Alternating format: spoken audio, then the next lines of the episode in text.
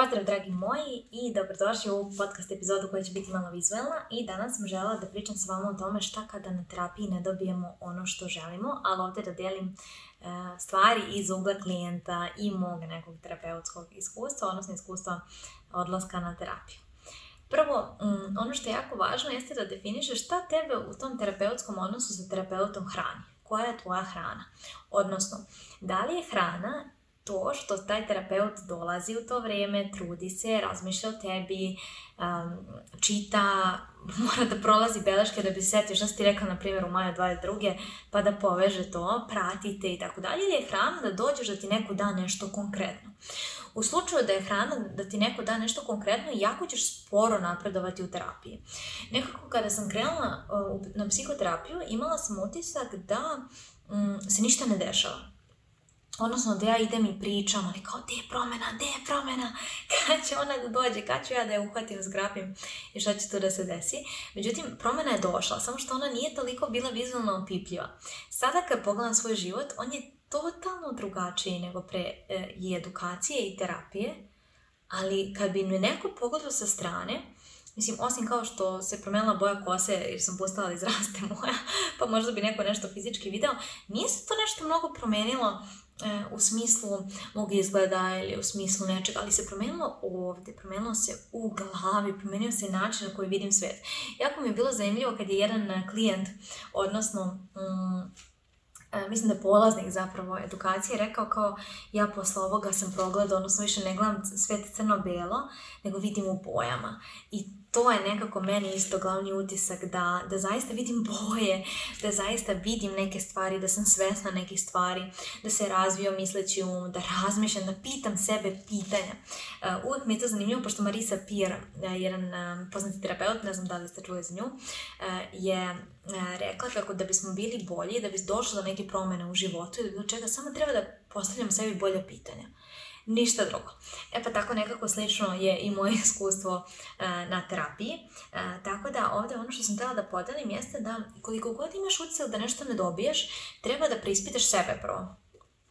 I onda naravno da podeliš to sa terapeutom e, da vidiš šta možeš da, da dobiješ, šta ti to zapravo želiš i koga zapravo preslikavaš.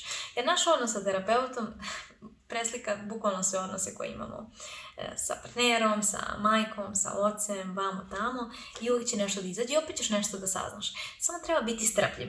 Jer nekako ljudi misle da kad dođeš na terapiju i uđeš u taj proces e, da to ide brzo i kao ono da, da, shvatio sam, znači treba kažem ne i sad ću ja da da kažem ne. Mm, nije to tako lako, jednostavno emocijama potrebno vrijeme, jo, ono, uvijek, će, ćete čuti ono ne može brže od emocije i to je zaista tačno, ali jako malo ljudi danas ima strpljenja. Jako malo ljudi danas ima strpljenja zbog toga što mi živimo u svijetu gdje je sve na klik, gdje je sve brzo. Znači ovo, wow!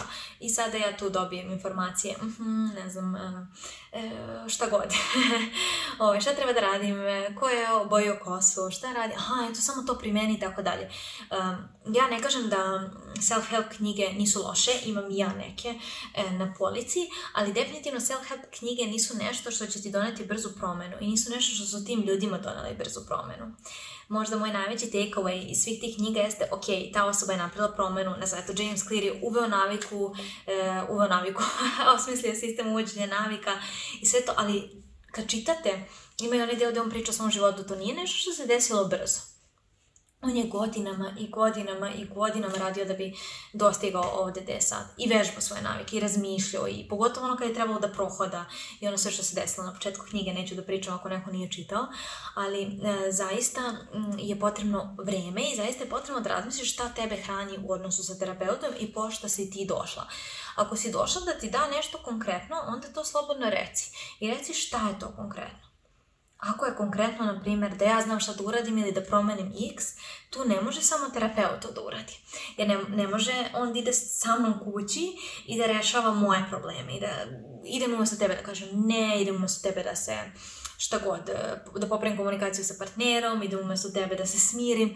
Ne može. Znači u tom trenutku si sama i u tom trenutku treba da razmišljaš da se javi taj misleći um i da razmišljaš, ok, šta mogu, šta ne mogu, e, da se pitam, ok, zbog čega se ovo desilo, koja sam tačno ja emociji, pa kad se ta emocija prebaci, onda opet, aha, ok, sad je iz straha, ne znam, preraslo uzbuđenje, što se to meni dešava i tako dalje. I onda da, odgovoriš, da, da zaključiš, da zapišeš, zbog toga, evo kažem, vodi dnevnik, vodi šta god, sticky note, zapiši tu negde i ja imam neke ove ovaj sticky noteve ovdje, e, zato imamo blokče, da, da nešto zapišeš, da vidiš gdje si ti i šta si, pa onda odeš obradiš. On je, kao pomoćnik, kao vodič kao vodič kroz tvoj ali konkretne stvari na terapiji se dešavaju kada ti kreneš u akciju, kada ti primeniš, kada ti počneš da razmišljaš, kada ti razmišljaš o sebi prvo.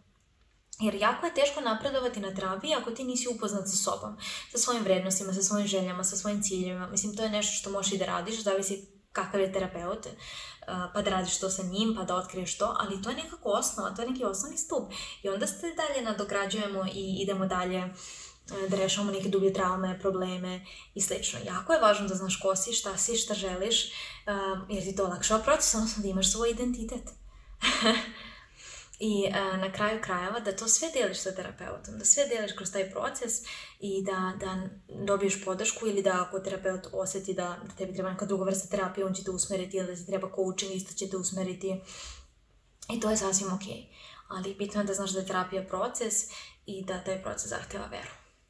Jer um, veru u nekako smislu da će sve biti ok, jer dok god si ti u procesu i hoće jer nemoguće je da ideš godinu dana na terapiju da se nešto ne desi. Jednostavno nemoguće godinu dana svake nedelje kad se ide da se neki klik ne napravi, da se nešto u glavi e, ne, složi neka puzla i da ne dođe se do nekog rezultata kakav god da on bude. Ali onda je jako, jako važno e, da je to sve nekako abstraktno i da je to sve u mislima. Zato je važno poznaš sebe i svoju glavu kao wow vidi Nekada sam reagovala tako, sad ne reagujem. Jo, neka bi pomislila ovo sad uopšte se to nije javilo ili vidi što sam, nekad se ne bi odvažila da ovo uradim, sad sam uspela. I onda će obično trebao pitati, ok, ajde vidimo šta se to složilo u glavi. Jer nešto je našlo svoje mjesto, nešto je našlo svoj kutak i da, pravila se promjena. Ti možda izgledaš isto. Mislim, okolno da izgledaš isto ovako, ali definitivno nećeš izgledati isto unutra. Ono što bih još dodala od svog iskustva jeste da me zaista vodio taj kontinuitet i to da čak i kada nisam dobila ništa konkretno i kad sam samo pričala i kad sam izlazila sa terapije uplakana ili zbunjena ili me bola glava, sam si dalje sljedeće nelje vratila. Nisam pravila ogromnu pauzu, nisam rekla ovo nije za mene ili neće doći, već sam imala veru da će doći, imala sam nekako veru da će sve biti ok, da ću ja biti ok i da će doći, jednostavno doći odgovor, doći će e, slagalica da se složi. Potrebno je vreme. Mislim, možda u slučaju mom je to olakšano pošto idem i na edukaciju, pa onda kad si stalno, stalno, stalno u procesu, e, ne može da ispadneš iz njega, to ti postane neki stil života. U smislu, misleći um ti je stil života, razmišljaš, razmišljaš, trudiš se, povezuješ i tako dalje. Um, eto, to sam htjela da podelim u ovoj kratkoj epizodi, a ti odgovori na pitanje šta te hrani u odnosu sa terapeutom, odnosno zbog čega si ti tu i da li zaista misliš da on može ili ona da dođe i da umjesto tebe uradi neke stvari. I ako to očekuješ, podijeli to sa njim, pa ćemo onda, pa ćemo onda i ako to očekuješ, podijeli to sa njim i onda vidite dokle ste stigli i da li je zapravo taj pravac i, na, i ne samo pravac, nego i način, a i možda e, sama terapija da li je dobra za tebe u to vrijeme.